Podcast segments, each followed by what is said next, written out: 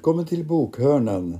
Örjan Bäckryd läser ur Elisabeth Sandlunds bok Drabbad av det oväntade. Vi tar Gud nu, så tar vi din man till kaffet, hade ju diakonissan Inga sagt lugnande innan hon började be för mig. Samtalet vid fikabordet den gången har följts av många flera, med Inga och med andra.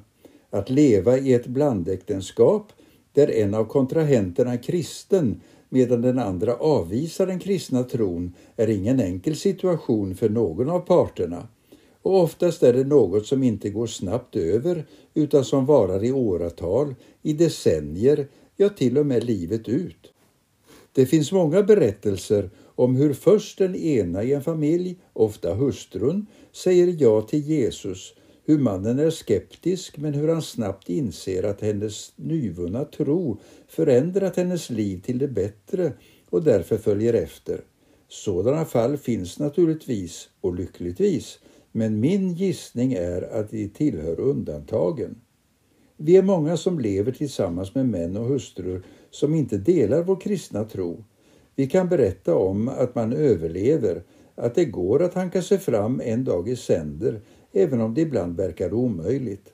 Att höra hur andra har det och jämföra skillnader och olikheter med sin egen situation kan vara en tröst. Trösterikt var det också för mig när jag insåg att jag delar min erfarenhet inte bara med kvinnor och män som lever idag utan med många, många som gått före och att situationen var vanlig redan under den allra första kristna tiden. Det framgår tydligt av Paulus första brev till korintierna där han ger föreskrifter om äktenskap och skilsmässa. Till de regler som kommer från Herren och som i princip förbjuder skilsmässa fogar han en egen avsedd just för sådana fall. En troende man eller kvinna som har en partner som inte tror men som är villig att leva med honom respektive henne får inte skilja sig, skriver Paulus. Men om den som inte tror vill skilja sig, så må han göra det. I sådana fall är den troende brodern eller systern inte bunden, skriver han. Få ställen i Bibeln har haft så konkret uppiggande effekt på mig. Och det beror inte på att Paulus ord tillåter skilsmässa utan på att det visar att den situation jag och många med mig lever idag var så vanlig redan på 50-talet att Paulus ansåg det nödvändigt att på egen hand formulera regler för hur den skulle hanteras. Vilka är då problemen? Först tror jag att det är viktigt att komma ihåg att situationen faktiskt är mycket värre för den som inte tror än för den troende brodern eller systern, för att använda Paulus benämning. När någon ska ut på en lång resa är det inte den som uppfylld av äventyrslustnad kliver på tåget som gråter floder. Nej, det är det som står kvar på stationen. Att ha köpt tågbiljett till himlen, en populär metafor under 1800-talets väckelse som tidsmässigt sammanföll med järnvägens utbredning, innebär att ha sagt ja till den mest spännande resa som tänkas kan. Den som står på perrongen och ser tåget gå, även om det sker av fri vilja, har det faktiskt mycket tyngre. När min man kom hem från sin tjänsteresa på fredagskvällen tre dagar efter det att min olyckliga sökarperiod tagit slut anade han ingenting. Jag hade tvättstugan bokad den kvällen. Aldrig har det bett så mycket framför tvättmaskinen. När jag kom upp i lägenheten med det sista lasset tvätt var klockan mycket.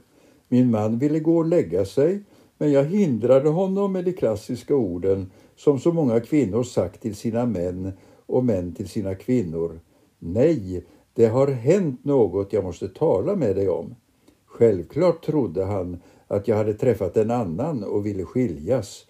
Sådant händer ju alldeles för ofta i vänskapskretsen att det dimper ner flyttkort i brevlådan från vänner som man trott levde i stabila äktenskap men som beslutat sig att gå skilda vägar.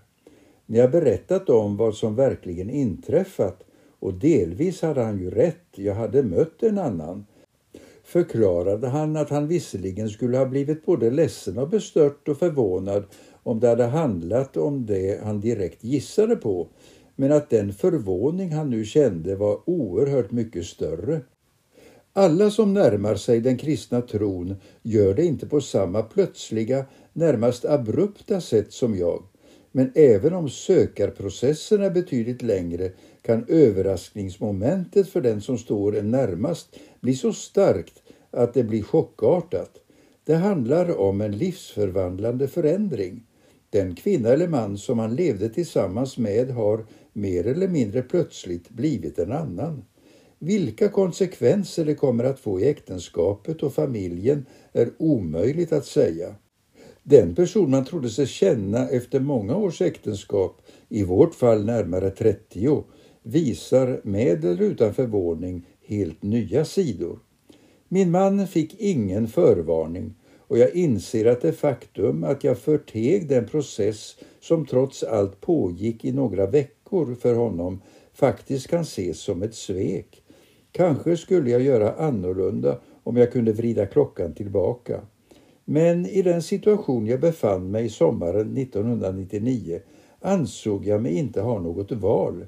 Läget var så känsligt att jag knappt kunde sätta ord på det för mig själv. Hur skulle jag då ha kunnat förklara det för någon annan? Dessutom för en person som jag, rätt eller fel, fruktade skulle försöka hindra mig från att söka vidare. Jag valde att tiga. Det var inte särskilt vare sig hedervärt eller hederligt gjort. I själva verket var det ganska fegt och definitivt ingenting jag är stolt över så här i efterhand. Men om svårigheterna är störst för den partner som fortsätter att välja bort den kristna tron är de definitivt inte försumbara utan nog så påtagliga för den som har träffat motsatt val. Till det som är tungt hör att inte kunna dela det som blivit viktigast i livet med den som står en närmast. Detta medför både praktiska och mera övergripande svårigheter. Blir ens partner illa berörd eller till och med upprörd och arg kan det vara besvärligt att läsa Bibeln och att be öppet, för att inte tala om att lyssna till kristen musik. Ibland känns det som jag är tvungen att hänga av med min kristna tro som en kappa i hallen när jag kommer hem, sa en person till mig. Det är en ganska talande bild. Det är också trist att mötas av ointresse när man försöker, eller att överhuvudtaget inte kunna, berätta om vad man varit med om i kristna sammanhang. Och bara det faktum att man kommer att vilja tillbringa så mycket som möjligt av sin tid i kyrkan och tillsammans med andra kristna innebär att den tid man får tillsammans med sin partner krymper. Nya täta vänskapsband knyts som partnern är utestängd ifrån. Och som sagt, att det är av egen fri vilja gör inte saken lättare. Samma effekter kan naturligtvis uppkomma när en man eller hustru får ett uppslukande fritidsintresse som inte den andra kontrahenten vill dela. Men den kristna tron är så mycket mer än en ny hobby och därför blir följderna ännu större. Allvarligare än allt detta är dock oron för att den eller de som står en närmast inte vill eller anser sig kunna säga ja till Gud och hans fantastiska gratiserbjudande. Har man själv varit med om det mest underbara som kan hända en människa vill man naturligtvis dela med sig av detta till den man älskar. Och för att dra ut konsekvenserna, tanken att riskera att tillbringa evigheten utan sin man eller hustru är naturligtvis skrämmande. Det är en klen tröst att försöka inbilla sig att vi inte kan veta vilka planer Gud har för dem som inte kommer till tro under sin livstid. Något mer hoppfullt är att hålla sig till vetskapen att det aldrig är för sent, att Gud har en väg till var och en och att vi aldrig kan veta hur den ser ut, bara att den inte är densamma som vår egen. Själv brukar jag tänka att om Gud hittade ett sätt att ruska om mig och få mig dit han ville, trots att jag var så avvisande, ja, då klarar han nog av att nå fram till min man också, förr eller senare. Att ens partner eller andra närstående kan förväntas reagera negativt kan naturligtvis verka avskräckande för den som öppet vill bekänna sin kristna tro. Men att avstå från att säga ja till Jesus därför att man inte räknar med att ens partner ska följa efter är ingen lösning. Det handlar om prioriteringar. Frågan om frälsning är den viktigaste i livet, viktigare än till och med det lyckligaste äktenskap. Det kan låta hårt, men jag tror att var och en som lever tillsammans med en partner som avvisar den kristna tron måste säga sig att om situationen skulle ställas på sin spets och man skulle tvingas välja mellan att avsvära sig den kristna tron eller att bryta upp äktenskapet så är valet trots allt självklart. Att välja bort Jesus Kristus är helt enkelt inget alternativ. När den tanken har fått slå rot blir de kompromisser och de hänsynstaganden man tvingas till i det dagliga livet mycket enklare att stå ut med. Det finns till och med de som säger att det kan finnas vissa fördelar med att ha en icke-kristen partner eh, som eh, så att säga håller en kvar på jorden och som motverkar att man som nyfrälst kastar sig in i tveksamma sammanhang. Ändå måste hoppet naturligtvis alltid vara att partnern följer efter. Men att tjata på sin man eller hustru om att han eller hon ska ta steget är sällan eller aldrig en god lösning utan tvärtom normalt kontraproduktivt. Ett råd som är så gott som något annat är att låta handlingarna tala mer än ord. I alfaundervisningen används som exempel den sanna historien om mannen som bad Gud om fingervisning om vad han skulle kunna göra för att övertyga sin hustru om att han verkligen förändrats till det bättre tack vare att han blivit kristen. Hans ögon föll på den fulla soppåsen. Mannen hade alltid avskytt att gå ut med soporna och hade gjort allt för att undvika det. Nu fick han klart för sig att just detta var lösningen på hans problem. Utan ett ord grep han soppåsen och vandrade iväg med den och på det viset fortsatte han en tid. När hans hustru så småningom kom till tro berättade hon att det var just denna lilla struntsak som övertygat henne om att det faktiskt skett något med hennes man, något som var så positivt att hon helt enkelt var tvungen att ta reda på mer om den kristna tron. Om livet bara vore så enkelt, är min kommentar. Men tanken är riktig, att låta handlingarna göra jobbet och inte aldrig så välformulerade argument.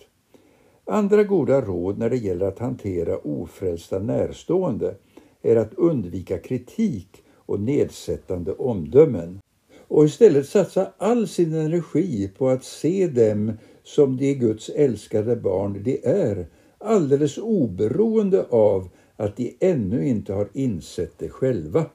Vi har rätt att förvänta oss bönesvar när vi ber enligt Guds vilja och hans vilja är självklart att alla människor ska bli räddade. Alltså måste vi våga utgå från att det bara är en tidsfråga innan situationen radikalt förändras och visualisera en sådan situation snarare än att gräva ner oss i allt detta som ännu inte är som vi önskar. Ett hopp är att Gud skickar andra människor i de närståendes väg, personer som på ett oväntat och överraskande sätt kan vittna om den kristna tron och vad den innebär.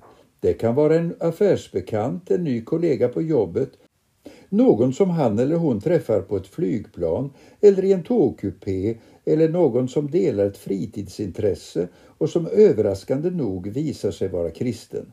Med tanke på att det positiva intresset för den kristna tron ökar växer också möjligheterna till sådana till synes slumpmässiga möten och det är goda nyheter för oss alla som lever tillsammans med personer som avvisar den kristna tron.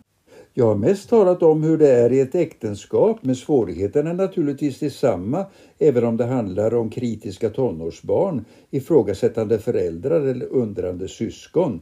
Den kristna tron är utmanande för alla, både för den som omfattar den och i ännu större utsträckning för den som står utanför.